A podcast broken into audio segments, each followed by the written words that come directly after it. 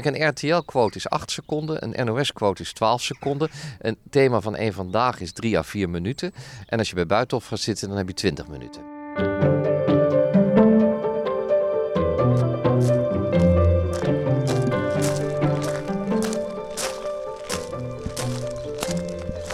Laurens, Harmen, waar zijn we? we zijn Harmen bij Kasteel Doorwerd. En eigenlijk zijn we vlak bij de plek waar onze eerste podcast werd opgenomen. Jeroen Dijsselbloem. Die woont hier een, eh, ja, een paar kilometer meer naar het westen. En eh, hier is dus eh Doorwerd. Wie gaan we ontmoeten? Alexander Pechtold. Die woont in Wageningen, iets verderop, Is hij burgemeester geweest? zeker. En ja, hij wilde niet bij hem thuis afspreken. Dus moest ik op zoek naar een andere locatie hier. En Kasteel Doorwerd heb ik vanochtend gebeld. Dus wij zijn eigenlijk wel gezwicht voor, voor ons concept. Ja, dat klopt. Ja, het is wel een pijnlijk punt inderdaad. Hè? Maar eh, daar moeten we het maar even over hebben met eh, Alexander zometeen. Ja, want kern van het idee is bij de mens thuis. Ja. Want dat is een mooi begin. ja, deze plek is niet helemaal eh, voor niks uitgekozen. Want hij heeft hier wel een relatie met dit kasteel. Hij voelt zich thuis in een kasteel blijkbaar. Het kasteel van Alexander Pechtold. Hebben we de titel te pakken? Denk het wel.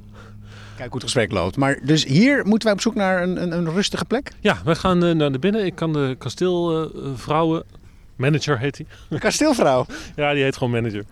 Eh, bellen. Eh, die heb ik vanochtend gebeld en zij zei van ja, jullie zijn welkom, maar het is ontzettend druk, want er zijn, het is her- voorjaarsvakantie. Klopt, het is hartstikke druk. Veel, veel mensen lekker aan het wandelen, hondje erbij. Veel kinderen. Ze hebben een speurtocht, dus ze zei al van je kan in de herenkamer gaan zitten. Daar wil ik zitten. Maar die is onderdeel van de speurtocht. Daar wil ik niet zitten. Nee, dus eh, ik weet niet. Misschien vinden we gewoon wel buiten een, eh, mooi tafeltje in, uit de wind in de zon. Ik ben een beetje nerveus voor dit gesprek. Waarom? Omdat in de aanloop eh, van de totstandkoming van dit gesprek ehm, Alexander Pechtold op mij een, een, een, een beetje afwerende indruk maakte. Hij beschermt zijn privéleven. Dat is zijn goed recht, dat klopt. Daarom zitten we ook niet thuis, maar daar wil ik dus meer over weten. Maar ik had hem gebeld om ook toch nog wat meer informatie los te krijgen via vrienden, familie, dan wel collega's. En toen zei hij, ja, dat heb ik liever niet. Ja, net als Dijsselbloem. Net als Dijsselbloem. Het is wel typisch, want ze zijn allebei, allebei een beetje mannen van toen natuurlijk. Ja.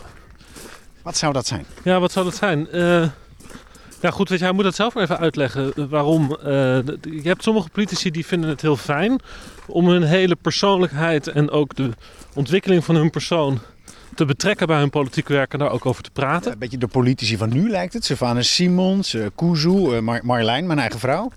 Ja, en sommigen die vinden het juist fijn om dat helemaal gescheiden te houden en het, eh, het werk te zien als een baan. Ja, dat is hun goed recht nogmaals. Maar, nou ja, Vond je trouwens gek? Want we liepen Oh, nu langs een grasveldje met, zo'n muur waar druiven op zitten. Dat is een warm plekje hier, dus we kunnen volgens mij gewoon buiten gaan zitten als een tafeltje. En, overweeg je om buiten te gaan zitten? ja, Oh, wat leuk. Dat zou leuk zijn. Ja. Dan gaat wel dat hele leuke geluidseffectje wat ik altijd doe met deur, bam, muziek uit. Dat, eh, eh, dat is mijn probleem. dat is, dan mag je op de montage staan. Kasteeldeur dicht. Eh, ja, ga ik op de montagetafel. Ja. Dit is De Binnenkamer. Harmer van der Veen en Laurens Boven gaan op visite bij politici van toen en nu. Een bezoekje in het hoofd en hart van bevlogen bestuurders.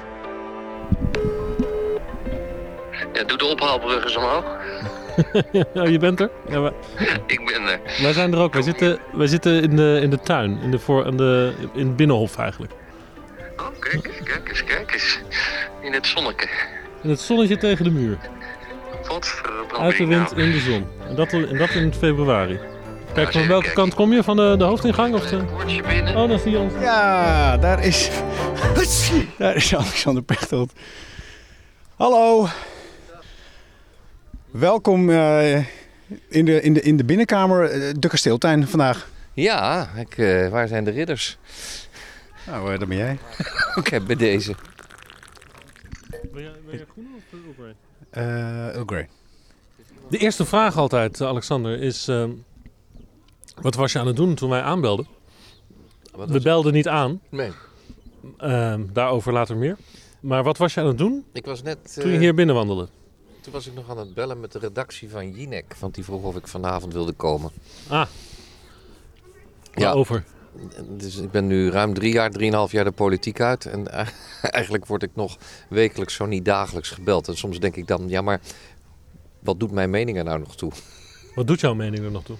Ja, kennelijk eh, toch vanuit het verleden. In dit geval ging het over Oekraïne. En ik ben daar geweest rond dat associatieverdrag. En er was toen heel veel kritiek vanuit Nederland. Uh, wat, we hebben, wat hebben we eigenlijk met Oekraïne? Nou, vanavond willen ze een tafel maken om toch eens even te kijken wat we allemaal wel met Oekraïne hebben. Mm -hmm. niet alleen vanwege de laatste vijf dagen, maar ja. misschien ook vanwege het verleden en de toekomst. En ga je dat doen? Ik ben, zit er altijd heel ontspannen in. Uh, ik, ik hoef niet meer zo met mijn neus de hele tijd op tv. Maar als het over zoiets als Europa gaat en, en uh, waar zou het in de politiek echt over moeten gaan, dan wil ik soms nog wel eens uh, ja. uit, uit, uit het grijze verleden opstaan. om ook ongehinderd, nou had ik vroeger er ook niet zoveel last van, maar om ook gewoon mijn eigen mening te kunnen geven. Het is leuk dat je het zegt van ik wil niet zo vaak meer met mijn neus op de tv. Want vorig jaar tijdens de verkiezingscampagne, toen werkte ik bij de, de talkshow De Vooravond. Ja. En uh, toen hadden we ook uh, veel contact, want ik heb jou op een bepaald moment binnengehengeld ja. als onze vaste formatieduider. Ja, klopt. Um, de, de, ja, je wilde toen wel met je neus op tv. Nou, dat was een nieuw programma. Hè? Je, je, je werkte toen voor de opvolger van De Wereld Draait Door. Ja. En, um, Renze en Filan. Renze en Filan. En ik, ik heb toch ergens ook wel... Uh, het, ja, ik, weet, ik zou bijna zeggen, je, dat is bijna je, je plicht als oud-politicus... om, als het gaat om het uitleggen hoe werkt politiek... het benaderbaar maken voor ook, ook doelgroepen... die misschien niet de hele dag met de politiek in aanraking staan, jongeren, er kijken veel jongeren rond dat uur, dan heb ik ook wel zoiets dat, dat een beetje zendelinggevoel, een beetje van dat. Als politicus, niet namens D66, maar nee, gewoon, maar gewoon om uit te leggen hoe werkt, hoe werkt het systeem. Ja. En, en uh, hoe werkt het systeem? We denken altijd dat, we dat, dat, dat iedereen dat, dat maar van huis uit uh, uh, heeft meegekregen, maar dat. Dat werkt niet zo. Er, is soms duiding nodig waarom politici handelen zoals ze handelen. Ik zeg altijd, als je vanaf, vanaf een andere planeet zou komen... je ziet voor het eerst een voetbalwedstrijd... dan heb je wel een kwartier door dat er een stuk of tien de ene kant... en tien de andere kant op hollen... en dat er ook nog een paar mensen tussen die latten en die netten staan... en dat er één heel gek gekleed tussendoor loopt te hollen... en kennelijk de baas is... Maar zo is de politiek natuurlijk ook. Als je, Mhm. als je, die, als je die spelregels niet ziet, dan, dan, dan kijk je alleen maar naar hollende mensen. Ja. Dus, dus je hebt een voetballer nodig om die regels dan uit te leggen. Ja. En in dit geval dan een oud politicus om, om ook dat eh, toe Ja. te lichten. En dan mag best een beetje politieke eh, mening van jezelf in. En dat snapt ook iedereen. Maar, maar, Maar er was toen ook wel wat kritiek hè, op eh, dat wij dat deden. Ja, Eh, omdat we natuurlijk dan eh, ja, een eh, D66er die dan Ja. een beetje K gaat lopen eh, opfleuren in de formatie. tuurlijk. Hè, dat, Ja. dat hoor je dan allemaal wel. Ja, achter zijn de verkiezingen geweest, dus dat kan het kwaad. Ja. Nou, ik merkte wel in die tijd dat het op momenten dat het echt spannend werd in de formatie, dat het dan voor jou ook lastig was om. eh, Dan zei ik vaak, ik doe een stapje terug. Of ik vind dit te, te veel aan, aan, aan de huidige politici om daar eh, eh, over te communiceren. Ja, dan wil je die afstand eh, ook echt creëren.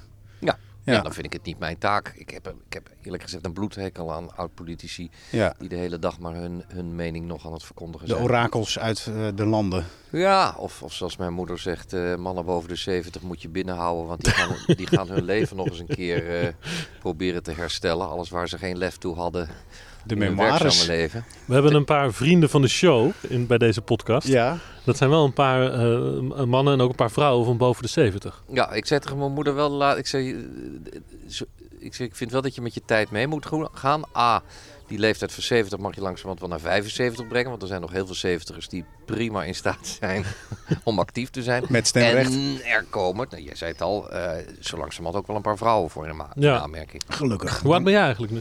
56.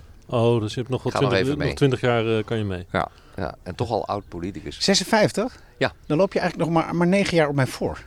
Kijk. Dus wie ben ik nou van Ja. al- al- voelend jong journalist? Dat ben ik al lang niet meer. Maar Hodimi Kras Tibi, hè?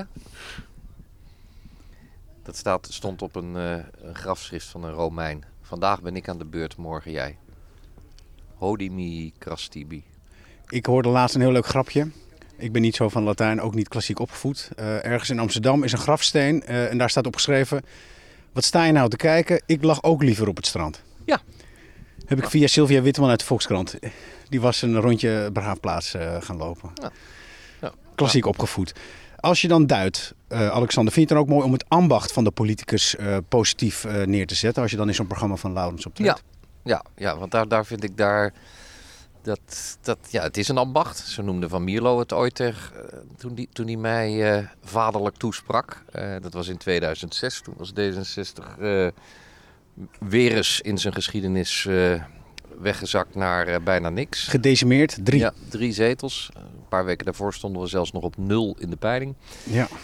Toen was er volgens mij ook een congresmotie van hef Ja. de boel maar op. Hef de boel maar weer op. Dat kwam ook weer langs. En toen hadden we uiteindelijk die, die, die drie zetels. Nou ja, ik, ik dacht echt, waar begin ik aan? En toen zei eh, Van Mierlo, leer eerst maar eens het ambacht. En daar, daar ben, ik, ben ik wel achter gekomen wat hij daarmee bedoelde. En wat was dat? Ja, dat je, dat je je eigen stijl moet ontwikkelen hoe je van ingewikkelde materie politiek maakt. Hoe je signalen uit de samenleving opvat. Hoe je de samenleving weer terug jouw politieke ideeën probeert van te overtuigen. hè. Want soms zijn het helemaal geen populaire dingen. Tenminste, we vinden goed politicus komt niet alleen met de populaire dingen. Iedereen kan roepen meer geld voor onderwijs. Dat zijn de Maar het verhogen ja. van, van, van de AOW-leeftijd, Ja. of het terugbrengen van de hypotheekrenteaftrek. Ja, daar moet je ook het lef voor hebben. En dat is het, En dat is het ambachtelijke. Ja, want Van de je bent eigenlijk de hele tijd... Je bent een soort vertaler. Je bent aan het vertalen wat er in de maatschappij leeft naar wetten en regels. En je probeert vanuit wat je landelijk ziet en je eigen idealen... Ja. probeer de samenleving mee te nemen. Mooi beeld dat, dat Van Mierlo, eh, als de Nestor natuurlijk, zich ontfermt over Alexander Pechtel, die toen een fractie van drie moest leiden. Op Ja. sterven na dood. Ja, Gaf je Maar dat dat had hij- inspiratie dat, hij dat nou, deed? dat had hij zelf ook wel eens meegemaakt. Dus ik denk, ja. ik denk dat hij daar ook wel... We will overcome. Maar dat heeft D66 inmiddels ook wel bewezen. Ja, ja want eh, daarna is het eh, eigenlijk alleen maar bergopwaarts gegaan. Met hier en daar een plateautje van weer even een tijdje dat we stabiel. En, en, en nou, toen Sigrid eh, het stokje overnam, eh, werden er weer vijf zetels bijgeteld bij de verkiezingen. Dus Ja. dat is vanaf drie inmiddels toch een eind gekomen. Acht keer zoveel.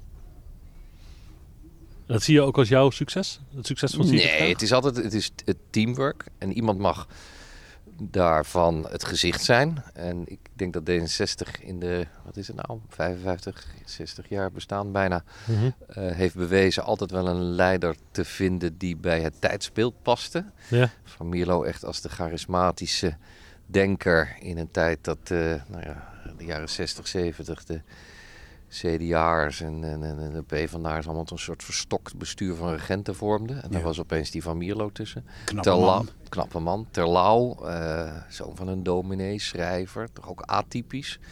Eh, Els Borst, eh, een inhoudelijk arts, die, die bleek ook heel goed medisch-ethische thema's te kunnen agenderen. En dat ook het lef toe had. Nou, Pechtold een beetje de stra- als ik het van mezelf mag Ja, zeggen. doe maar. Derde persoon, zijn we de, dol op. de straatvechter die, eh, die dacht, eh, ik heb niks meer te verliezen. En Sigrid Kaag, de internationaal ervaren eh, vrouw, gelukkig, eh, die, eh, die een nieuw leiderschap in een coalitie, wat heel moeilijk is, want je bent niet alleen, vorm gaat geven. De straatvechter die niets had te verliezen. Daar sloeg ik op aan. Jij ook, Laurens? Ja. Mag ik dan wat vertellen hoe ik jou zag toen? Zeg maar. Ik ben eh, progressief, hartstikke links. Ehm, ehm, en ik heb deze, mijn allereerste stem, dat wil ik dan ook nu vertellen. Mijn allereerste stem toen ik 18 was, was op Hans van Mierlo. Kijk, Ah, Ja, ik ben politicoloog. Ja. En ik zat in studieboeken en ik vond het zo'n voorrecht dat hij toen nog voor mij beschikbaar was, zullen we Ja. maar zeggen. En ik heb hem het kabinet in gelanceerd, want jullie hadden die reclame. Een, een potje verf blauw, rood, en dat werd P van de A, VVD. En dan kwam een stokje, roeren. Ik krijg nog kippenvel, omdat ik, dat was een, ook een bewustwording van mij als jong, jong volwassene. En dat stokje, Ja. ook kracht van beeld. En op dat stokje stond D66. Volgens mij zat er geen tekst bij. heel weinig. Roeren maar. Ja. En ik kom uit een CDA-nest en ik had zo'n behoefte aan dat afschudden van, de, van, van, van mijn jeugd uiteraard. Breken, Lubbers, CDA, christen gedreven, de Bijbel, wat een onzin. Politiek gaat over nu, pragmatisme. En daar waren jullie en Mierlo. Ja. Ehm, en toen jij er was, had ik ook behoefte... Ik denk dat ik op jou gestemd heb. Ik zit echt... Die, nou, ja, want ik ben eigenlijk P van de A. Ehm, maar die gaan wel eens vreemd. D66 ook wel eens, toch? Zeker. Heb jij wel eens, deze, heb jij wel eens PvdA gestemd of iets anders? Nee, ik heb eigenlijk mijn hele... le- Ja, heb ik daar... Nee, nee, nee. Ik heb mijn eerste stem waren... eh, eh, mijn eerste twee stemmen toen ik 18 was waren aan de VVD. Eén keer Ed Nijpels. Toen heb ik me gewoon laten... Want die stond bij het Europees Parlement, maar Nijpels was zo populair. Dus daar heb ik echt niet over nagedacht. En de andere keer VVD was Theo Joekes. Zegt je naam die Nee. nog wat? Nee. Die werd er door de VVD uitgekieperd na zoveel jaar. Was een, een beetje een rare persoonlijkheid. Een, een, een soort Engelse lord zou je qua uiterlijk. Hij schreef ook misdaadboeken. En dat was, eh, dat was een soort, soort buitenbeentje in de politiek. En de VVD was klaar met die man en zette hem niet meer op de lijst. Maar eh, ja, mensen zoals ik waren juist tot hem aangetrokken, omdat hij juist wat anders deed. Ja. En toen had hij geloof ik zes, zeven zetels aan voorkeurstemmen. ja. Theo Joekers, google maar. En die heb jij toen een setje de kamer ingegeven. Toen, Ik dacht, daar wil ik ook bij. Ja. Dat. Kennelijk had ik toch iets met recalcitrantie. Nou, en volgens mij dat ik toen in ieder geval gecharmeerd was van jouw rol. Eh, Jij zegt net, ik had niks te verliezen, straatvechten. Was dat ik had zin en behoefte aan een goede parlementariër die Wilders van repliek zou dienen. Ja. En die vond ik niet bij de PvdA op dat moment. En toen was jij er. Ja, de, de- ik- dat hele avontuur met Wilders. ehm, ik kijk daar inmiddels met de nodige distinctie, met, met afstand naar. Ik kreeg soms het idee alsof mensen dachten dat dat het enige was wat ik aan het doen was. Maar achteraf, als ik dan nu weer naar het politiek debat kijk, dan denk ik ja. Ik ben wel blij dat ik dat toen gedaan heb. Niet ben blijven zitten. En, en ik heb vaak aan die interruptiemicrofoon gestaan. Dat ik de laatste twee stappen zette en dat ik dacht: wat ga ik nou eigenlijk zeggen? Ja. Maar dat ik dan dacht, als het uit je hart komt eh, en als je verwoordt wat misschien veel mensen op dit moment bij dat gereutel van Wilders voelen, dan zit je altijd goed. Dus verwoord het maar. Gewoon, Gewoon recht uit het hart. Gewoon recht uit het hart. Dus je stond op met een gevoel van woede als er weer wat was gezegd over Marokkaan of netparlement of Ja. eh, al die dingen. Kop en- vol de tax, noem maar op. Ja, En, en je stapt op eh, van je stoeltje dan zijn er twee stappen naar de interruptiemicrofoon. En je staat er eigenlijk puur vanuit emotie dan op zo'n moment? Nou, niet van, eh, dit is wel gecontroleerde emotie, maar eh, wel op het moment dat ik dacht, ja weet je, alleen al het feit dat hij deze tirade nu even moet stoppen, omdat ik namelijk het woord krijg, Mhm. daarmee breng ik hem al in ieder geval uit deze flow. Oké. Dat is stap 1. politiek eh, handwerk, de tegenstander uit zijn concentratie en zijn opbouw te brengen. Eh, en dan viel er altijd wel wat te binnen. eh, en, en vaak bij Wilders kwam je dan met een simpele vraag. Kon je hem al behoorlijk aanpakken hoor. Ja. Uit balans. Ja, ik weet nog wel dat hij een keer begon met zo'n heel reutel verhaal dat vroeger alle, alles beter was. En dat ik hem alleen de vraag stelde, over welke periode heeft u het toen dan? En toen zei hij rond 1850. Nou, ik moest snel schakelen, maar ik kon natuurlijk wel direct ophemelen. Ik zeg, goh, het was de tijd dat we nog geen sociale voorzieningen hadden. Dat je als weduwe bij de kerk iedere week maar je hand moest ophalen. Dat er nog kinderarbeid was, dat vrouwen geen stemrecht hadden. Ik zei, en was dat ook niet de tijd dat we nog eh, zo'n 200 miljoen moslims in ons koninkrijk hadden? Nou, we waren namelijk ook nog de baas over Indië. Nou, je zag hem, je zag hem denken, iets te snel gezegd, dat 1850. ja. Ja, en, waar- en- en- en waarom, doe je dat, waarom doe je dat op zo'n moment? Is dat dan ook om met de Nou, hoop dat- om in de journaals te komen? Of gaat het puur om wat er in die zaal gebeurt? Nou, kijk, je, je, je, je zit daar met 150. Je bent er allemaal gekozen. Ik heb veel respect voor iedere zetel die daar zit. Want ook de zetels van meneer Wilders hebben 60.000 stemmen per zetel gekost. Eh, dus daar heeft hij hard voor moeten werken op de een of andere manier. Dus daar wil ik niks aan afdoen. Maar ik vind het niet dat als iemand los van inhoud eh, ook, ook bevolkingsgroepen discrimineert. Of Ja. de democratie. Hè. De laatste jaren deed hij dat met nepparlement en zo. Ja, waarom ga je er dan in zitten? Dan vind ik dat je je moet laten horen. Dan moet je, dan moet je laten zien dat dat niet normaal is. Maar je, je had het, je ja. had het net over het, het ambacht van politicus, hè? wat je eh, moest leren van, van Mierlo. En we leven nu in een tijd dat er eigenlijk heel veel wantrouwen is eh, tegenover politici, eigenlijk meer dan in het eh, verleden. En eh, partijen zij worden ook niet meer vertrouwd, ook door de eigen kiezers niet meer. Hè. Daar zie je de fragmentatie door ontstaan. Overigens binnen partijen zit er ook zoveel wantrouwen dat de ene naar de andere fractie natuurlijk uit elkaar valt. Ja, ik geloof dat we er nu 20 hebben. Nu hebben we twintig fracties. Hè? Ja. Dus je ziet ook dat politici onderling gewoon elkaar in feite niet meer vertrouwen en niet meer met elkaar ehm, eh, kunnen tolereren in de eigenaardigheden hoe, hoe mensen zijn. Maar dat ambacht van politicus, dat is nogal een. een eh, ja, weer, mensen eh, kunnen heel veel ambachten waarderen, maar ambacht, het ambacht politicus wordt niet meer gewaardeerd. Hoe komt dat, denk je, Alexander? Ja, eh, daar moet de politiek zelf over nadenken, maar daar moeten we ook maatschappelijk over nadenken. Kijk, de politiek zelf is, is soms eh, behoorlijk in staat om het brandhout voor zijn eigen brandstapel aan te, aan te, aan te trekken. Hè, Als je... Maar zijn, er, zijn het slechte politici nu? Nee, nee, nee. of maar is het, wat, is- wat, wat gaat er... Nou ja, kijk, eh, je, je, moet altijd wel even het beeld houden. wa- wa- wat zijn we hier nou aan het doen? En ik heb de entree meegemaakt dat je ge- geïnterrumpeerd werd door iemand van Denk. En, en vijf minuten later exact dezelfde vraag en hetzelfde riedeltje kreeg. En dacht, wat, wat gebeurt hier nou? En dan bleek dat je eigenlijk niet in debat was, maar dat je voor het YouTube-kanaal van Denk eh, een filmpje van 90 seconden aan het opnemen was. Ja, Dat is geen politiek. dat hebben zij erin gebracht. Ja, dat, dat is. Pioniers waren Ja, ja. maar dat is natuurlijk dat je een soort parallel debat op Twitter en. en Ja, maar nu en doet iedereen dat, hè? Ja. Nu doet ja, ook D66 maar dat zeg ik. Dus de, de hele politiek is, is alleen nog maar met het plaatje bezig. Ik weet nog dat Jesse Klaver een keer naast me liep en toen zei: Goh, wat loopt die vent toch de hele tijd? Ja, dat is mijn beeldregisseur. Ik zei: Pardon, je wat? dat is mijn beeldregisseur. Nou, toen voelde ik me echt oud. Ehm, maar negen uur debatteren over het zoeken van een nieuwe Kamervoorzitter. Mhm. Negen uur heeft dat debat geduurd. Er waren drie kandidaten. Nou, laten we nou eens even zeggen, iedereen tien minuten eh, Ja. voorstellen is een half uur. Iedere, iedereen tien minuten bevragen is nog een half uur. Maar wat is je punt? Nou ja, dat, dat ondertussen Nederland zit te kijken van, wat? wat? Meer dan een werkdag met 150 man en waarschijnlijk ook nog eens 150 man ondersteuning. Ja. Dus daar leg je de verantwoordelijkheid wel bij de Dat politici. is de politiek. Maatschappelijk vind ik ligt, ligt de verantwoordelijkheid bij ons allen. Hè, als ik een mailtje in 2017 krijg, meneer Pechtold, waarom bent u zo lang aan het formeren, schiet eens op. En dat ik terugmail, ja meneer, dat snap ik, heel vervelend. Maar ja, ik moet wel met vier partijen, het eens zijn, maar we doen ons best. Eh, en ik hoop dat u stemt toch. Nee, maar ik heb niet op u gestemd. Ik heb op de dieren gestemd. denk ik, ja, laat ze dan op. Zo. Je ziet, ik mag gewoon vooruit praten. Ja. Dan denk ik, als jij op je splinter wil, wil, wil stemmen, ja. Dan eh, omdat je. GroenLinks eh, niet geno- goed genoeg vindt voor de dieren. Of D66 of PvdA, die ook allemaal met natuur en milieu bezig zijn. Van mij mag je je goddelijke gang gaan. Maar wees je wel bewust van dat je daarmee bijdraagt aan, aan, een, aan, aan versplintering. En aan steeds meer partijen die helemaal niet bezig zijn om politiek te bedrijven in de Dus zin de, van kiezers, een compromis. ja, dus de kiezers waarderen de democratie eigenlijk ook niet. Maar dat, dat is meer een bevestiging van wat ik net zei. Dus dat het, het ambacht van politicus eh, bijna gehaat wordt door, door mensen. Ja, maar dat vind ik, dan denk, dan denk ik echt, eh, wake up.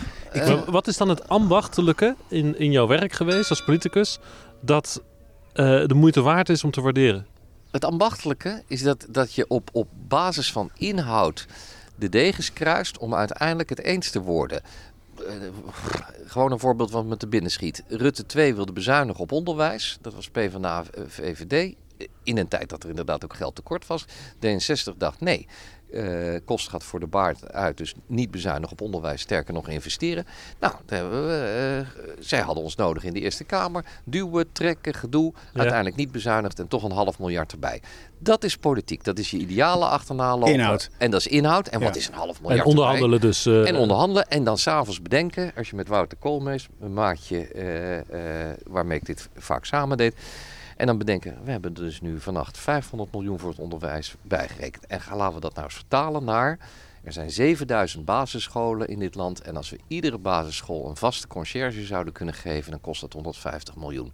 En wat betekent dat voor de kwaliteit van onderwijs? Mhm. Dat er weer toezicht is bij het hek. Dat niet de directeur het zout loopt te strooien als het, als het gesneeuwd ja, en wat gaat er dan mis dat, dat dit deel, eh, jij zegt dat dit, dit is de kern, dit is het ambacht. Ja. Wat gaat er dan mis dat dat niet meer gewaardeerd wordt? Nou, omdat, omdat we in zekere zin ook, ook verwend zijn. Ik bedoel, eh, die, die, die Russen waren echt al een tijdje bezig met die troepen En wie- wie zijn en, we nu? en wij waren... Nou, we... de- Het Westen, Europa. Kijk, ik word vanavond gevraagd om, om over Oekraïne bij Jinek te praten. Maar de afgelopen weken kreeg ik alleen maar uitnodigingen om de vadeldrager van Rembrandt. Of dan, als ik het ding al aanzette, bleek André van Duin een nieuwe vriend te hebben. Nou, dat gun ik hem zeer. En we zijn maar verwend. dat, dat was de voorpagina. Ja. Dit, dit vind jij iets cultureels Overigens, ook? eh, eh? dit is maandag 28 februari. Dus als mensen dat interview met Alexander, wat dus vanavond wordt uitgezonden bij Jinek, willen weet niet eens of ik terugkijken. ga. Oh, je weet nog niet of je gaat? Heel goed. Je moet even terugzeppen naar de uitzending van 28 februari 2022. Om te kijken of Pechtold Alexander er ook daadwerkelijk heeft gezeten. Ik wilde een derde partij hier nog aanhalen. En daar- daarna wil ik iets anders ook aan je vragen. Maar je hebt dus de politicus, Maar de snap samenleving. je wat ik bedoel met dat we als samenleving Ja. het behoorlijk met onze bonuskaart en, en zegeltjes... We zijn decadent. en- nou, we, Dat is trouwens een heel rechtsextreme opmerking, hè? De Nee, decadente zijn- Westen. Nee, er zijn nog heel veel kansen, kansenongelijkheid, ook in Nederland. Eh, er is ongelooflijk nog veel te doen, ook in Nederland. Maar te vaak beschouwen we ons voor een deel als de aangeharkte postzegel die af is. Ja. En dat is niet zo. En dat is alleen al niet zo omdat het in Nederland is. Maar het is zeker niet zo als je je bedenkt dat iedereen die nu gaat skiën, als je nog diezelfde rit ietsje oostelijker doorrijdt, zit je midden in Oekraïne. Ja. Dus jij Dat roept, is twee skioorden van ons vandaan. je roept Ja. op tot een soort zelfbewustzijn. Dat je niet, niet te veel bezig moet zijn met na- kijken naar je eigen navel, maar kijk eens om je heen. In de, twee, in de, in, in de vorige, in de 20e eeuw is een hoop misgegaan. Ja. Die mensen waren niet minder intelligent dan wij. Nee. Ik wilde een derde partij erbij halen waarom de politiek cynisch benaderd wordt de laatste tijd. En dat is misschien wel de rol van journalisten, zoals wij. Ehm, ik heb in mijn 20 jaar radiowerk altijd heel snel, heel kort eh, alles gehaald bij jullie wat ik nodig had voor de uitzending. En dat was het. Ja. En eh, als het tegenviel, werd ik eerder boos op de politicus dan op mijzelf of op het programma. Wij maken nu een programma waarin wij een uur lang met, met mensen zoals jij gaan spreken. Om ze Daarom heb ik ook ja gezegd. ja, omdat wij van die platte schabloon willen wij weer een, een, een, een, een mooi volledig persoon maken. Ja. Daar hoort ook bij, wat mij betreft, dat we willen, goed willen weten wie jij bent, waarom je het doet. En ook, ook het persoonlijke. Mhm. Nou was je wat afhoudend daar, eh, af, afwerend toen ik jou belde daarover. Ehm, waarom? Omdat ik gemerkt heb dat. eh, ik heb 25 jaar in lokale en nationale politiek gezeten. Ik heb daarvan ongeveer 14 jaar in de nationale eh, als, als, als minister en ruim 12 jaar als fractievoorzitter. Omdat ik merkte dat soms je persoon afleidt van je boodschap. En omdat ik ook datgene wat rond je persoon interessant wordt, vond ik op een gegeven moment ook naar het, eh, nou ja, het niet ter zake doen te gaan. Ik bedoel, het is leuk als mensen willen weten dat ik in mijn vrije tijd hout hak. Of dat ik machetknopen, je kan het nu niet zien, maar voor de radio draag. En dat ik daar een hele verzameling van heb, dat vind ik allemaal prima. Ja. Maar op een gegeven moment werd het ook een beetje een in, in, inzet in, in, in, in wie jij bent. En dan denk ik, nee. Die kleine dingetjes, ja. Ja. Wij zoeken, wij zoeken naar de diepe drijfveer van iemand. Waarom doet hij wat hij doet en wat heeft hij ervoor dat over? vind, dat vind ik interessant. Ja, bij, Maar- ons, bij ons kom je dan ook wel vrij snel terecht van waarom ging je de politiek in en hoe was het thuis bijvoorbeeld. Ja, Want Nou, da- daar, daar wil ik graag over vertellen. Ja, mooi. Want ik heb ehm, jou eh, Roy Kramer gebeld. Ja. Die, die heb je heel lang eh, heb jij met hem gewerkt. Wie was dat eigenlijk? Kan jij dat Ja. uitleggen? Wat was Oh ja. zijn functie? Ja, dat was eh, eerst toen we heel klein waren was het nog de woordvoerder. En daarna eh, toen we wat groter werden was het eh, onze hoofdwoordvoering. Ja, en wat, wat doet zo iemand die... Spindokter, hè? Ja, dat is, een, eh, dat, is, dat, dat is een woord wat journalisten er dan aan geven. Nou, dat is degene die jou helpt om je boodschap te vertalen. Dus daarmee schrijf je je congresspeeches eh, wanneer je de partij moet toespreken. Daarmee oefen je eh, optredens bij eh, talkshows. Ja. En daarmee deel je je frustratie ook, of? Alles. En die ken, deze, deze Roy Kramer eh, op het Binnenhof, hè, in mijn métier, de parlementaire pers, bedoel, het is natuurlijk een begrip. Roy Kramer, iedereen kent hem. Ja, Eh, hij is ook de beste. Marlijn kent hem ook, ja. Ik niet. hij, is, hij is nu weg trouwens. Hè? Hij is nu weg. Hij is Hij- weg ja. van het Binnenhof, ja. Alexander gaat vanuit dat hij nu Hij is de luistert. beste. Hij is, nou ja, hij is, hij is, zo- hij, heeft, hij, is ook wel de, de, de man waarvan een beetje wordt gezegd van... nou, dat is ook wel zo'n woordvoerder hè, die inderdaad een spindokter is. Ja, die, die, kijk, als journalisten lui zijn... D66, dat is trouwens wel heel grappig. Dus, eh, is een heel leuk verschil. Ik, ik bespreek al die partijen. En ehm, als je een D66-woordvoerder spreekt over een stuk wat je aan het schrijven bent... ehm, die, die, die denken altijd een beetje mee met je. Ja. Met hoe je een stuk schrijft. zijn nette mensen. Ja. maar dat doet alleen D66. Ja. Die doen het in veel grotere mate dan de, dan de anderen. Dus ik heb wel eens gedacht, hé, hey, dat is een, een soort D66-methode. En ik werk nu in Brussel. Maar dat doen ze nog. Dan doen ze het ook. Ja, nee, maar kijk, eh, ja, we, we blijven altijd een soort atypische politici. En toch zijn we politici. Maar, Maar- Roy is iemand die, waarmee ik eh, ruim twaalf jaar eh, echt dag in dag uit eh, het nieuws bestudeerde. Kijken, moeten we hier wat mee? Dus zo'n man staat heel dichtbij je. Daar heb je echt heel intensief contact mee. Ja. Hij heeft ik mij heb ook er nu een, nog wekelijks contact mee. Hij, hij gaf mij ook een beeld waardoor ik jou beter leerde kennen. Daar ga ik je straks ook wel eh, mee confronteren. Nee hoor. Maar jij, jij wilde onder geen beding dat ik bijvoorbeeld iemand uit jouw persoonlijke eh, sfeer belde. Wat ik, wat ik graag doe voor deze serie.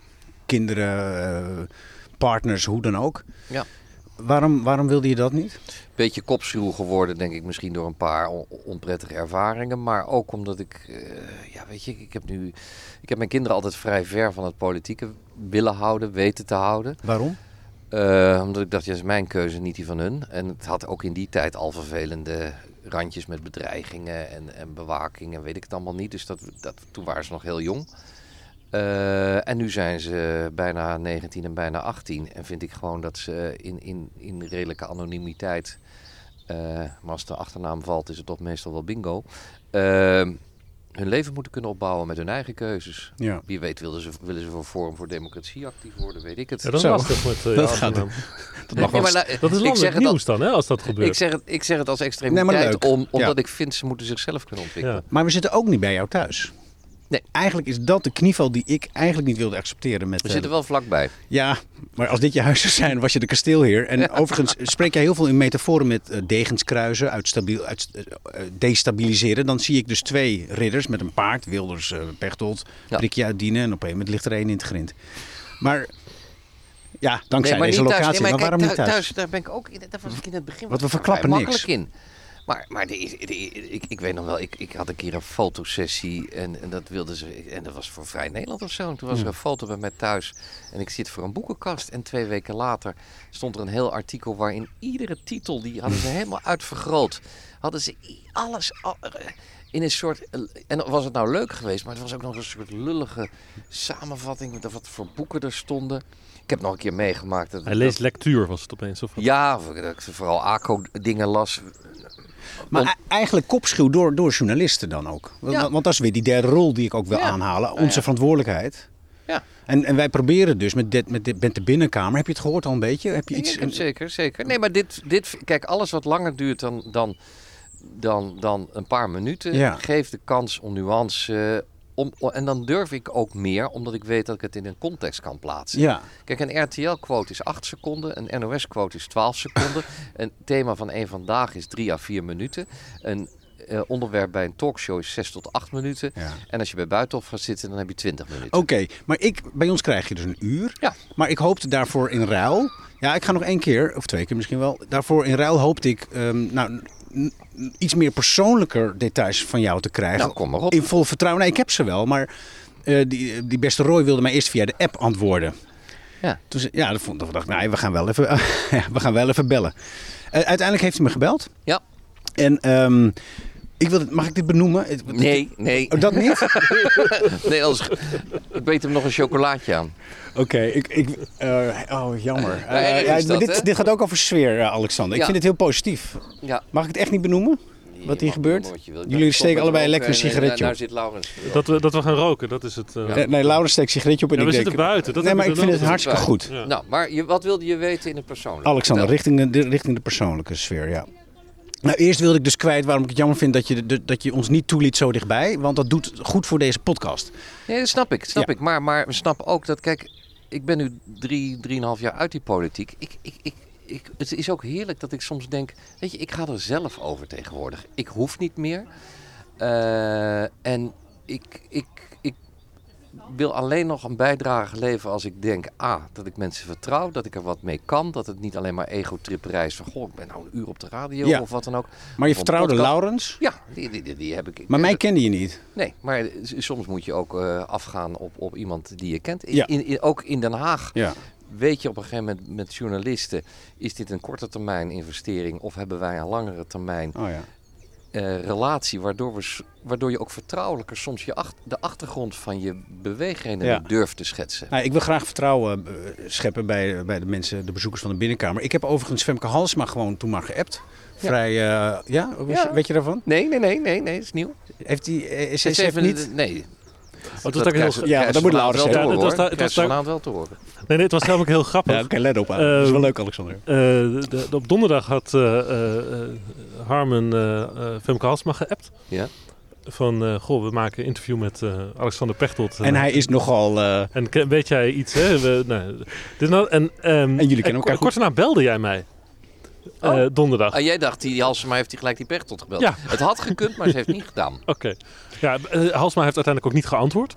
Maar ik vond het grappig, dus ik zei tegen wat Harmen... goed recht Ik is. zei tegen Harmen van ja, eh, wacht even, die, Ja. de, de, de- men Oh, kent het, had, elkaar. het had gekund, maar nu heb je er toch meer achter gedacht dan, dan dan was. Oké, zie je wel, wij denken altijd achter Maar ja, dingen. kijk, dat is oh. ook een beetje dat... eh, Ik heb veel respect voor, hè, als, als ik nu kijk naar, naar, naar eh, hoe Halsema als burgemeester van Amsterdam wat hij toch ook elke keer aan valkuilen om zich heen heeft. En, wat we dan, en, en dat is het deel wat we zien. Moet je nagaan hoe zo'n ervaren politica eh, waarschijnlijk al heel veel andere problemen heeft opgelost. Mhm.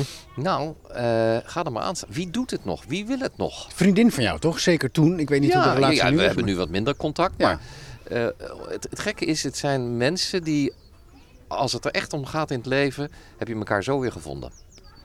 En, en laat je ook even wat aan elkaar weten. Dat is Ja. vriendschap. Dat is vriendschap. Dat is, dat is en dat, dat er kan soms een half jaar tussen zitten dat je elkaar niet spreekt. Ben je met dan ook met haar, heb je het met haar te doen dan? Hè? Als, als, als, want zij staat vol in de wind af en toe. Ja. Eh, krijgt te het doen. enorm op de flikker. Ja, ik, maar ik heb ook wel eens gezegd, eh, ni- niet zeuren, eh, doorkachelen. Ja. En, en, en, en, en laat maar even achteruit je huig horen wat je ervan vindt. Hm.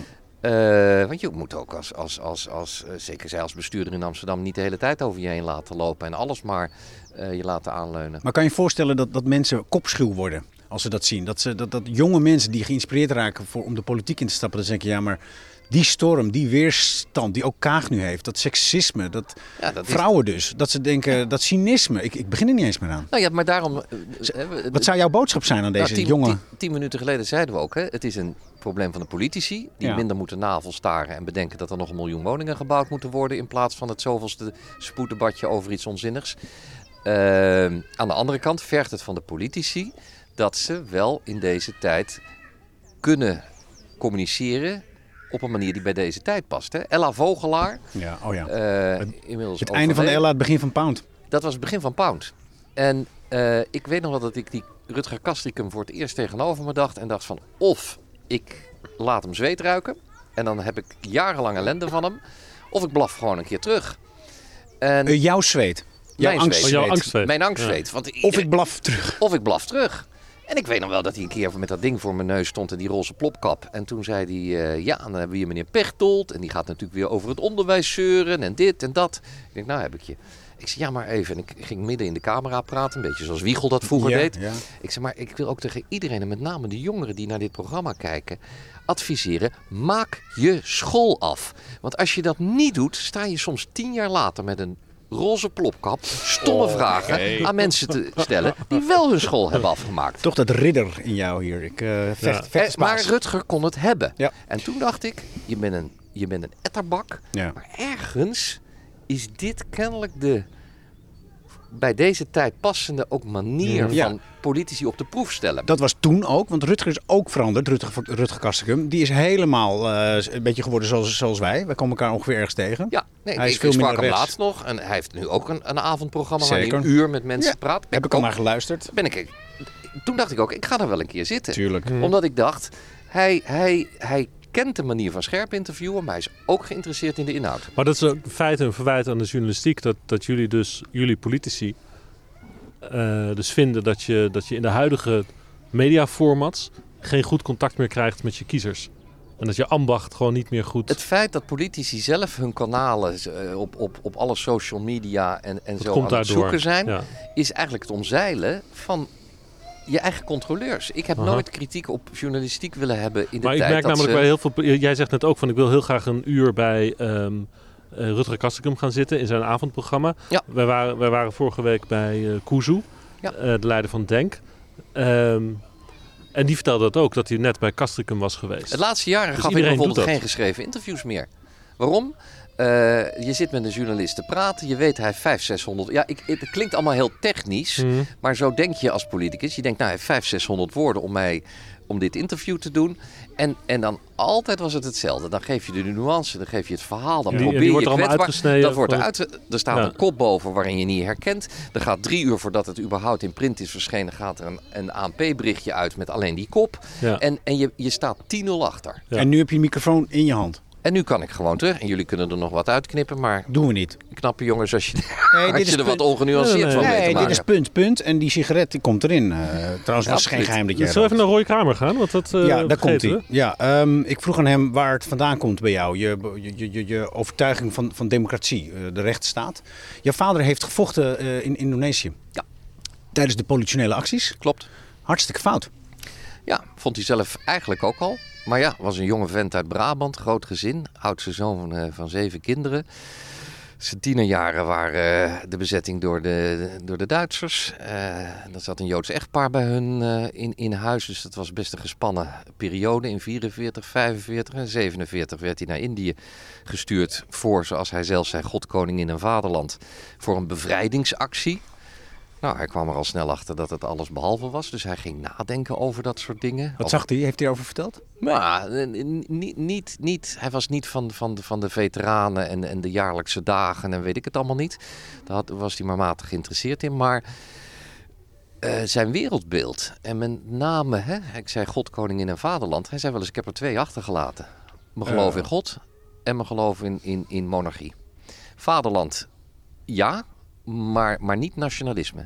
Niet maar, dit vaderland. Maar, maar, maar een, gezonde, uh, een, een, gezonde democratie. Ja, dat, daar was hij voorstander. En hij voelde zich bedrogen dan dus door God? Ja, want, want, hij was een christelijk man? Hij, was, uit... hij kwam uit een katholiek gezin. Dus ja. we hadden de nodige heer, ooms en dat soort... Uh, ja. dat, dat, dat, wat je in Brabant vindt.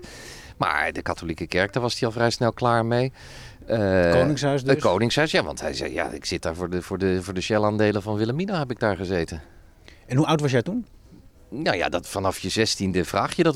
De, de vraag die je natuurlijk als eerste keer als tiener gaat stellen is: heb je daar iemand gedood? En? En toen zei hij heel na, na even nadenken. Toen zei hij: Nou, ik zou je het eerlijke antwoord willen geven, maar ik weet het niet. Niet bewust. Ik zei: Ja, wat is dat nou voor een antwoord? Toen zei hij: Ja, we zaten wel eens in, in, in vuurgevecht, hinderlaag of wat dan ook. Hij was ook chauffeur van een, van een, van een jeep. Moest hij hoge militairen mee vervoeren als, als chauffeur. Hij zei, ja, we hebben wel eens in een hinderlaag gezeten. Ja, dan werd er geschoten en dan schoten we terug. En op een gegeven moment stopte het vuur aan de overkant. Ja, had ik ze geraakt of waren ze, hadden ze zich teruggetrokken? Wist je niet altijd. Dus in theorie is, is je vader een, een, een... Was daarbij betrokken. Dus, dus, onlangs is er een heel onderzoek gedaan uh, over hè, welke rol speelden we nou eigenlijk. Ik vond het wel heel symbolisch dat ik een paar jaar geleden... Wij hadden een prachtig... Leeft je vader nog? Nee, nee, hij is al 22 jaar dood. Maar ik, ik had van hem een prachtig fotoboek uit die tijd. Uh, hij heeft in, de, in, geen vakantie, wat ik me als kind kan herinneren, ooit foto's gemaakt. Maar we hadden een heel fotoboek waar hij de hele reis vanuit Nederland door het Suezkanaal naar Jakarta en weer terug. Uh, die twee jaar dat hij daar gezeten heeft, had hij daar foto's. Ruim 2, 200, 300 foto's. Mooi ingeplakt. Uh, we konden dus echt niet bedenken, heeft hij dat nou gedaan? Hij was kennelijk een goed fotograaf die zijn geld ook aan fotorolletjes uitgaf. Want dat deed natuurlijk niet iedere soldaat die daar zat. Maar hij zat er als dienstplichtig marinier. En toen heb ik uh, dat fotoboek heb ik, uh, een paar jaar geleden samen met mijn broer aan Defensie geschonken. Omdat ik vond dat, dat het daar eigenlijk thuis hoorde. Ja. Ik zei van, het is leuk voor ons, het is leuk voor onze kleinkinderen, maar die hebben opa nooit gekend. Uh, dus hoort het niet gewoon bij het erfgoed van Defensie. En een bepaald zelfbewustzijn had hij dat hij dat, dat vastlegt. Dus een familieleven, gezinsleven niet. Nee. Maar dus deze grote stap als, als naar, ja, naar als, als jong, jong volwassene uh, die daar zat uh, wel. En daar is denk ik in de opvoeding, bewust of minder bewust, het gevoel van recht en onrecht is daar wel heel erg uit naar voren gekomen. Vind je nou dat wij nu mogen terugkijken en zeggen, ja hij deed het dus niet voor de goede zaak? Want nou echt zeer actueel is nu hoe, hoe wij die acties uh, eufemistisch ja, wel, hebben maar welke, benoemd. Kijk, zonder dat ik daar naar mijn vader, maar laat ik voor die hele generatie spreken. Uh, welke keuze hadden ze? Al was hij daar zelf ook wel kritisch over, want hij zei: Ook ik had wel een keus. Want hij vertelde mij dat toen die boot, ik geloof dat het de grote beer was, of hij daar nou mee op heen of terugvoer, maar in ieder geval een van die boten heette zo. Toen die in de haven, in Rotterdamse haven, zou uitvaren naar, uh, naar, naar Indië. Toen werden op het laatste moment kwamen er een paar vrachtwagens voorrijden en daar kwamen de dienstweigeraars. En die hadden ze dus thuis opgehaald of in, uit het cachot gehaald. En die werden door vier MP's, militaire politie, bij armen en benen aan boord gedragen. Aan, aan boord gedragen Zo. en het vooronder geflikkerd. En die kwamen er pas weer in, uh, in Indië uit. Oké. Okay. Dus die jongens hadden, zoals hij zelf zei, wel wat doorgedacht. Ja, maar die zijn ook gegaan. Dus. Nou, die moesten. Uh, dat was geen keus. Uh, maar iemand als Ponke Prinsen, hè, de, toch een begrip rond, rond dienstweiger. En daar, daar, hij heeft daar gedeserteerd, hè? Die is gedeserteerd. En Moeten we misschien altijd... even uitleggen voor de jongere luisteraars? Ja, Ponke Prinsen, uh, google het anders maar, Ponke met CK. Uh, en Prinsen ook met een C. Uh, Ponke Prinsen was een Nederlandse militair die gedeserteerd is. Dat begreep mijn vader nog. Maar dat hij overliep en bij de andere kant ging vechten, dat vond hij een brug ja, te ver. Hij is tegen de Nederlandse gaan vechten, hij is Indonesiër geworden. Ja. En uh, is uh, uh, tot het bijna aan het eind van zijn dood, want er was rondom 1990, kan ja. ik me herinneren, die, die tijd speelde dat volgens mij. Klopt. was toen een jaar of dertien. Ik kan me niet mijn naam nog herinneren. To- toen ging hij bijna dood of er was iets met zijn familie. Ja, en toen moest hij naar Duitsland om zijn familie. Ja, om Ja. zijn- en daar, daar kon zijn familie dan hem bezoeken. Want hij mocht niet Nederland in. Het was nog steeds een deserteur. Op welke manier heeft jou dat dan, deze geschiedenis met je vader, je beïnvloed om de politiek te gaan? Is er Ja. een lijn te trekken? Ja, de politiek in te gaan is ook alsof ik dat al op mijn, eh, weet ik veel, 16e, 18e van plan was. Dat is bij mij. Ik heb kunstgeschiedenis gestudeerd. Ik had een hele leuke baan als veilingmeester. Ik kwam in de lokale politiek en van het een kwam het ander. Maar het zelfbewustzijn in jou, eh, eh, is, die geschiedenis van jouw vader, heeft dat invloed gehad op Nou ja, Jazeker. Nou, en, en, en, wel voor het vaderland, niet voor en de de heer? levenslessen die daar een beetje bij hoorden. Mijn vader had een paar overzichtelijke levenslessen, trouwens samen met mijn moeder. Eén daarvan was geen schuwe apen. Daarmee bedoelde hij tegen mijn broer en mij, eh, als je stel hersens hebt en, en je kan wat, dan stel je je verantwoordelijk op in het leven en dan pak je je kansen en je zorgt ook dat voor anderen het goed is. Dus geen schuwe aap is speak up. Twee was, eh, de regels zijn er voor ons en wij zijn er niet voor de regels. Dus blijf altijd nadenken als je van een regel denkt, dit is idioot, dit is achterhaald Ja. of dit discrimineert. Dat is diep staatsrechtelijk. Ja, en de derde was altijd, kennis is macht en kennissen zijn machtiger. Laurens, welke vind jij het mooist van deze drie? Eh, die, eh, die, die tweede eigenlijk. Die schuwe aap.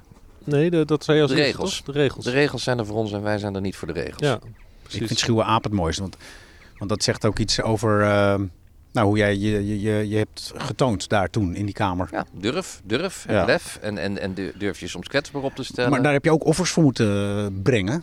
In privé dus ook, be- be- bedreigingen. eh, daarom zitten we in een kasteelsetting en eh, mocht ik niemand bellen. Ja, toch? Nou Ik bedoel, ja, weet je, je, moet ik- het er maar voor over hebben. Je bent wel een beetje. Je bent, ben je schuw eigenlijk? Nee, ik ben, be- ik ben denk ik meer bewuster. En ik stel, ik maak mijzelf kwetsbaar op het niveau wat ik zelf prettig vind. Ja, maar je mocht geen schuwe aap zijn. Maar als ik dus echt dichtbij wil komen, dan, dan zou ik dat toch willen. Dat je een beetje schuw bent geworden nee, door de jaren heen. Nou, misschien berekenend, misschien... Iets schuwere, wat oudere aap. Maar, eh, nee, maar ook, ook dat je denkt van... eh, waarvoor, waarvoor dient het? Waarvoor dient het? Kijk, ik, ik, ik kan heel uitgebreid bijvoorbeeld over... Nou, daar heb ik het weer over mijn vader. eh, over zijn euthanasie vertellen. En hoe ik, hoe, hoe ik dat een, een, een, een hoge vorm van beschaving vond. Dat hij dat, dat, dat kon. En dat mijn moeder dat zelfs eh, verklaarde tot de, de grootste daad van liefde die ze hem kon gunnen. 22 jaar geleden. 22 jaar geleden.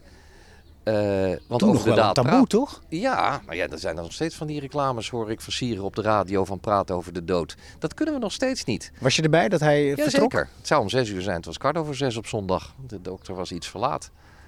Maar ehm, ik- ja, het, het was klaar. Het was af. We hebben die laatste week nog veel zitten praten. Hij had ontzettend veel pijn. Maar hij wilde voor de laatste dagen geen morfine. Omdat hij bewust afscheid wilde nemen. Maar ik, ik, ik voelde aan alles dat we kon- hadden nog jaren kunnen praten. Maar we hadden ook heel veel wel besproken. En, en, en zoals hij zelf zei, eh, jongens, eh, het, is mooi geweest. Dit haal je aan op de vraag waarom doe je wat je doet. Ja, maar dan ook op de bij- vraag, laat je soms vertel je meer over je privé of minder? Nou, in dit geval wil ik er best over vertellen, omdat ik het aan de ene kant iets vind wat ik bespreekbaar wil maken. Eh, ik ben nu met, met de vereniging Laatste Wil. Dat is best een extreme club als Ja. het gaat om, om euthanasie. Maar ik, ik overweeg me toch voor hun, hun publiciteitscampagnes te gaan inzetten Geen schuwe aap. omdat ik iets heb van. eh, ik, ik, ik, ik, ik, ik- dat wij nog steeds rond dementie niet geregeld hebben. Dat we een beschaafde euthanasiewet hebben. eh, nou, dan, dan denk ik. En als ik daarvoor mijn, mijn privé als voorbeeld moet noemen. waarom ik daar zo gemotiveerd in ben. dan vind ik het prima. Dus het functioneel is het dan eigenlijk. Dan is het functioneel. Dan hou je dan- controle ook. Want nou, volgens mij ben je wel iemand die controle wil houden. Ja, Toch? Dat is toch ja wel natuurlijk. een... eh, Ja, dat, maar dat leer je ook. En dus je leert, je, je leert jezelf van waar. Waar wil ik me wel en niet kwetsbaar in opstellen? mhm. En waar wil je niet ook- kwetsbaar over opstellen? Nou, meer, meer dingen waarvan ik denk, die, die gaan ook anderen aan die daar niet voor gekozen hebben. En dat is bijvoorbeeld mijn kinderen. Ik heb met Diederik Samson ooit een hele discussie gehad toen hij zijn kinderen voor een... Ah. Voor een voor De een, kasteelvrouw komt even langs. eh, kijk, goedemiddag mevrouw. Verse Heel thee. onopvallend. verse Vers thee. water. Lekker. Loop maar gewoon de podcast binnen. is echt geweldig. We zitten hier zo heerlijk te Het is praten. fantastisch. Het of je Alex- Alex... bent hier. We, krijgen we, krijgen we krijgen gewoon... we krijgen ik zit vol in de zon. We stappen zo meteen over op het bier. Ah, Oké, Ja. Waren dan het niet moet je- dat, dan eh, moet je toch dan Daar gaan we naar de- Dus eh, dat heb ik niet, kasteelbier. Nieuw heet water, dankjewel. Spraakwater. Eh, nou, later. Tot zo. Ai, Nee, maar bijvoorbeeld met mijn kinderen, want daar waren we gebleven. Dan Ja. denk ik, ja, die hebben er niet voor gekozen. Dit zijn inmiddels jongvolwassenen. En, en, en die wil ik daar zo min mogelijk, want het is al het nodige geweest, mhm. mee belasten. Jij hebt een enorm gedoe gehad met de privé toen. En allemaal hele nare eh, Zeker. verhalen. Ja. Eh, toen dacht ik... eh, wat dacht ik toen? Ehm, ga ik dat allemaal lezen? Ik heb het allemaal gelezen, vrees ik. Ik weet nog dat ik jou daarover wilde interviewen Ja. op het Binnenhof. Ja. En dat je toen heel boos werd. Nou ja, ik, ik, ik- kijk, eh, ik vond het allemaal uiterst pijnlijk. Dat was, eh, anders denken mensen, waar gaat het allemaal over? Dat was een ex-vriendin van me die, eh, die allemaal vervelende dingen over mij ging zeggen waar ik me totaal niet in herkende. Ja, het had niets met mijn, met, mijn, met mijn politiek functioneren te maken. Er was ook niets gebeurd wat niet door de beugel kon. En dan is het privé. Ja, sommige bladen noemen zichzelf maar was het buitenechtelijk iets eigenlijk? Of zo? Nee, in de zin van buitenechtelijk niet. Niet iets wat, eh, wat in de relatie eh, eh, met degene waar ik toen nog mee getrouwd was, eh, verstorend werkte. Oké, want, want, in, in, in- Ik had gewoon een vriendin. want in de tijdsbeeld van nu, met die uitzending van Boos en eh, de, de, de, Voice, wij hebben het er nog over gehad voordat we jou gingen spreken, zou jij waarschijnlijk het nog veel zwaarder hebben gehad.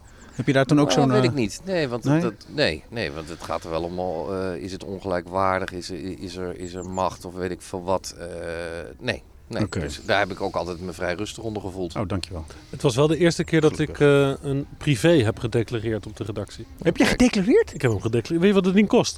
Oh. Nee, valt er mee. Zo duur is hij niet.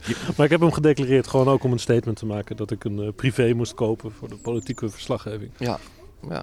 ja. Jeetje.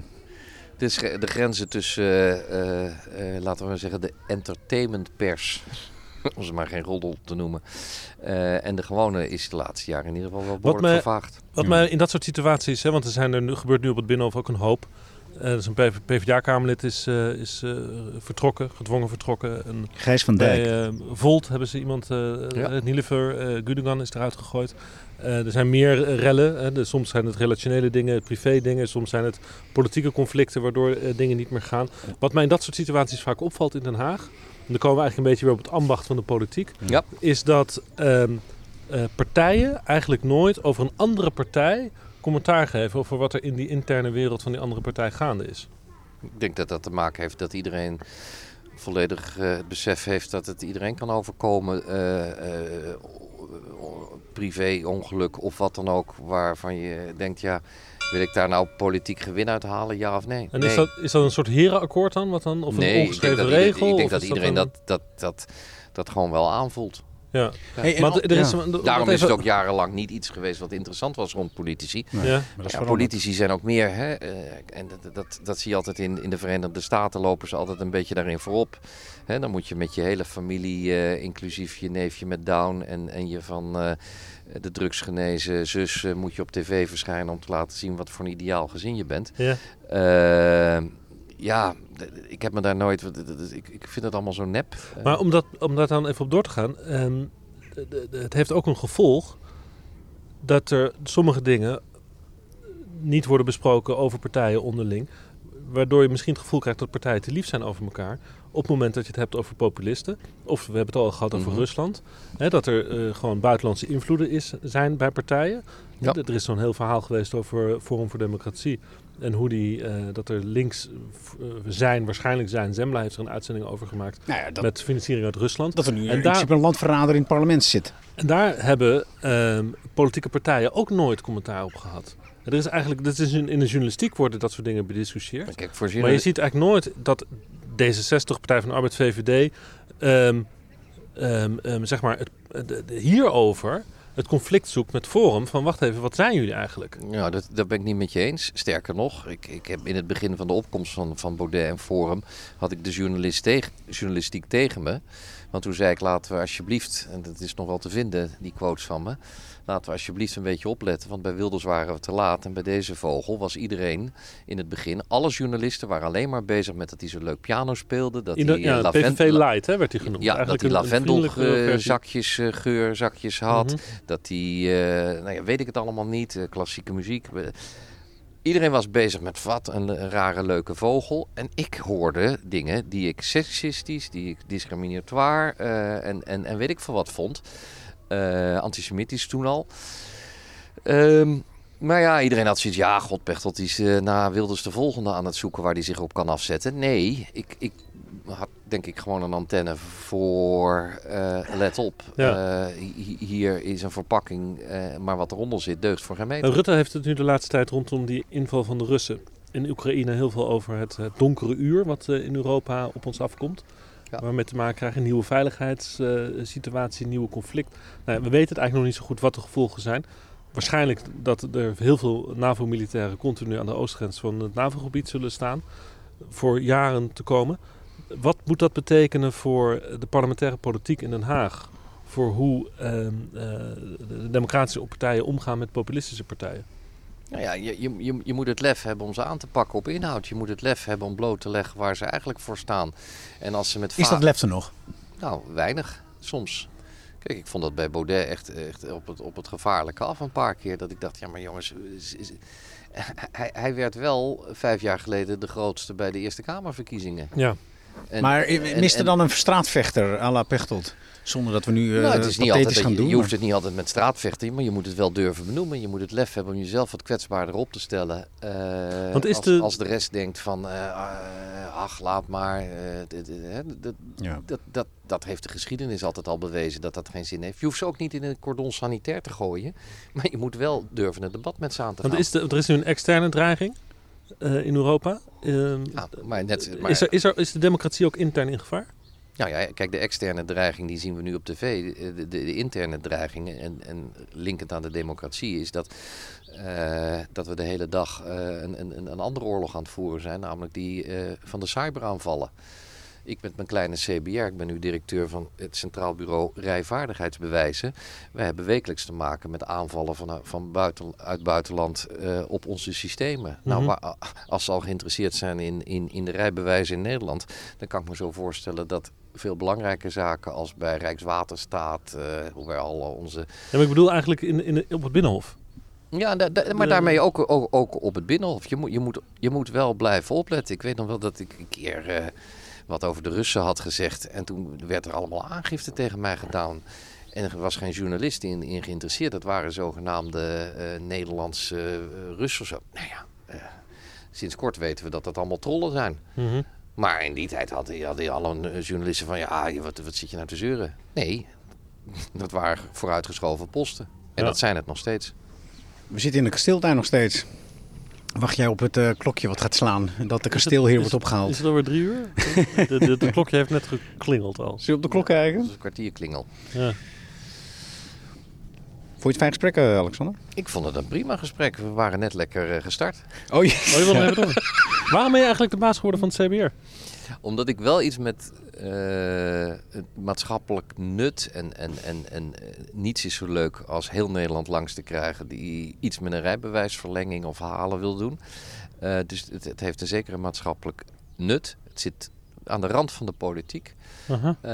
En ik wilde het verschil tussen besturen, wat ik als minister en burgemeester had gedaan, en managen.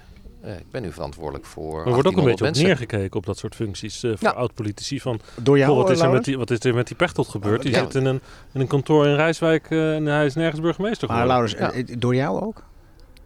nee, maar... Of schuil je nu achter in het Nee, algemeen? nee, niet door, wordt er wordt niet door mij op. Nee, ik, ik, ik, ik oordeel wat dat betreft als verslaggever niet zo Ja. heel veel. Maar ik hoor mensen het wel zeggen. Ja, en Nou, dat- ik dacht, ik dacht het dus wel. Ja, ik nou, dacht, nou Jij ja, dacht ook van... tuurlijk, Ja, doet Pechtold, die maar Pechtold nou, wat doet hij nou? Maar ja, dan denk ik ja. Voor eeuwig weg, verdwenen. Ik vind het leuk. Ik doe nu 2,5 jaar. En ik, eh, we hebben net gewisseld dat ik 56 ben. Dus eh er kan ook weer wat nieuws. Maar burgemeester ben ik al een keer geweest. Ik weet niet of ik het ook nog zo leuk zou vinden in dit huidige klimaat. Wat zou Ja. je wel willen dan? Maar het is niet zo dat je verdwaald bent geraakt in een... Zo voel je het zelf in ieder geval niet. In een Nee. van ik ben weg uit Den Haag, ik, ik, ik Nee, maar dat komt is niks voorbij, nee, maar dat eh, is dan dat- maar het CBR. Ja, donder nou toch op. Dan, dan weet je echt niet... Wat, er werken 1800 mensen. Mhm. Eh, we zitten op 60 locaties in het land. Wij doen anderhalf miljoen examens per jaar. Eh, nou, ik denk dat ik in, in, in vele functies die ik hiervoor heb gehad, minder verantwoordelijkheid had. Directe verantwoordelijkheid. Donder nou toch op. oh, boos. nee. Ja, maar dat is typisch Haags. Oh, wat doe je nou bij het CBR? Oh, oh, dan gaat een Haagse politicus eh. Dat heb ik zo vaak, dat Haagse politici mij verwijten dat ik Haags ben. Ja. Als Ja, nou. Ja, eh, pas maar op. Dadelijk ben je het nog. Of nog steeds. Nog steeds. Laurens ja. moet altijd een beetje van beide. Want we hebben hem nodig in Den Haag en Brussel. Ik heb wat meer afstand. Maar voor de podcast is het goed om... eh, Goed. Ik wilde afronden. Mag dat? Misschien moet ik nog even één ding... eh, Ja, één dat- ding dat hoort bij noemen. afronden, Ja, want je ja. hebt die hele zo kamer er nauwelijks in gegooid. Nou, ik vond dat toch een heel ja, mooi... hadden die nog? Wat, wat had je nog van Roy? Nou, dat jij helemaal van slag was dat Trump won. Dat jij Ja. dat echt wat deed. Maar wat wilde jij? Ik, nou, ik, ik had van de kasteelvrouw... Ja. Ze heet gewoon manager trouwens. Maar ik vind het kasteelvrouwen vind ik op zich een mooiere Ja. titel. Ze moet nog een foto maken zo van ons. Ehm, vind ik het, eh, hoorde ik nog dat jij hier heel vaak eh, komt. Nou, heel vaak of is bent geweest. eh, maar hier ik- lepeltjes kijken voor jouw uh, kunst- en Nee, antiek deze hadden verzameling. laatst een prachtige tentoonstelling over eh, 19e-eeuwse romantische schilders. Hè, Koekoek, ik weet niet of die naam Ja, je wat zegt, de hele familie Koekoek. Uit het Rijks winterlandschap. Ja, die hadden, en dat, dan hebben ze hier in is mijn Doorwerth... favoriete schilderij in het Rijks. Nou, hier in Doorwerth hebben ze dan zo'n tentoonstelling. En het, het is, ja, het is, wat is het, vijf kilometer van mijn huis af. Ja. mhm. Kunst blijft boeien. Zeker. Ja. Nee, je moet even reclame maken voor dit kasteel waar wij zo vriendelijk Nou. zijn ontvangen. Doorwerd. Doorwerth. Goed, Waarvan akte. is mooi geweest. Dankjewel. Nou wil ik zo.